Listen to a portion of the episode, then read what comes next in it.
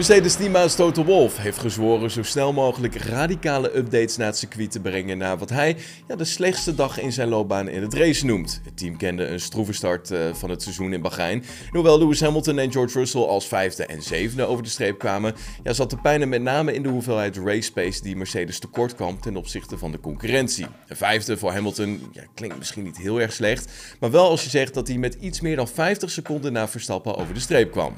Het was een van de meest verschrikkelijke dagen in het race. Het was gewoon helemaal niet goed. We missen snelheid op alle vlakken en dat is een reflectie van de testdagen. Ja, het is het tweede jaar waarin Mercedes rijdt met de zogenaamde Zero Sidepods concept. Maar de Oostenrijker liet eerder dit weekend al weten dat het wellicht tijd is om die filosofie overboord te gooien. Het eerste grote updatepakket zou in eerste instantie in Imola naar het circuit worden gebracht.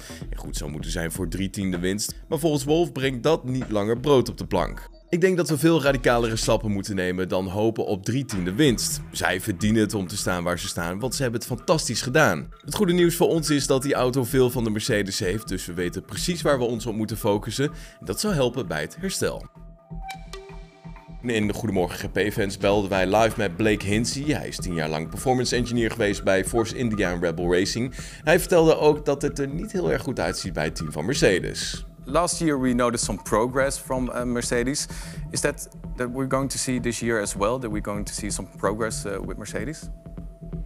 I feel like the the language coming out of that team suggests that they're not too sold on that concept anymore. They've spent a you know a year and a half or so, maybe even more, developing this concept, and it's still not paid off. And the fact that their customer team, Aston Martin, can come in and effectively out qualify them that's that you've got to be scratching your head and questioning have we made the right decision or have we been stubborn trying to find performance in this radical concept? Maybe they won't find it. Uh, it's it's really hard to say but it does not look good. Um, and they've looked like they've been a little bit on the back foot. So you think we're going to see a mercedes with some actual side pods this year yeah, the uh, maybe the black Red Bull will show up this season oh, at some wow. point. they got a Red Bull Zero can, so maybe it's possible. Yeah. Ja, en als ze bij Mercedes dachten dat dit het wel was bij het team van Red Bull Racing, dan gaan de komende races nog wel pittig worden.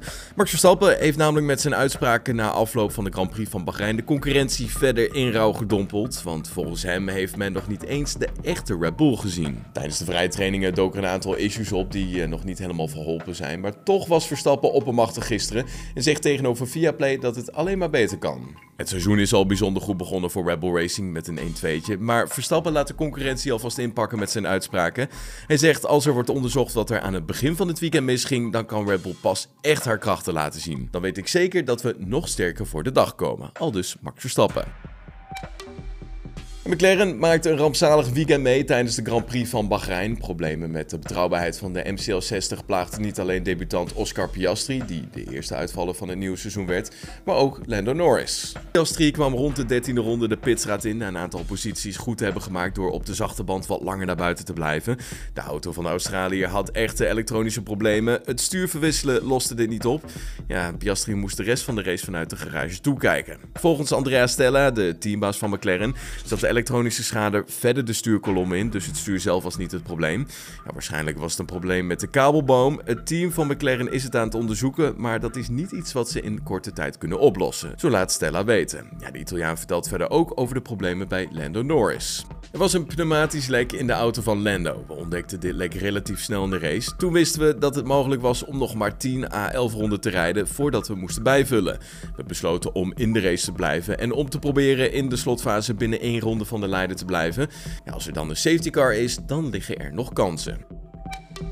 Ja, goed moment om de top 10 bij de constructeurs met jullie door te nemen. Haas en Alfa Tauri hebben beide geen punten gescoord gisteren. Het team van Williams wist één puntje te pakken en staat op de zevende plek. Alpine met twee punten op plekje 6. Alfa Romeo staat op plek 5 met 4 punten. Ja, en ondanks het uitvallen van Charles Leclerc heeft Ferrari toch nog 12 punten gepakt bij de constructeurs. Zij staan op plek 4. Mercedes staat met 16 punten op plekje 3. Fernando Alonso en Lance Stroll hebben een goed resultaat gehaald voor het team van Aston Martin. Zij staan op dit moment tweede met 23 punten. Door het 1-2'tje van Rebel Racing staan zij nu bovenaan met 43 punten. Was hem dan het GP nieuws van de maandagochtend. Je kan nog steeds je stem uitbrengen, 1 tot met 5 sterren. Wat vond jij van de Grand Prix van Bahrein? Ga dan even naar onze community wall en laat je stem horen. En dan zie ik je vanmiddag weer. Tot dan!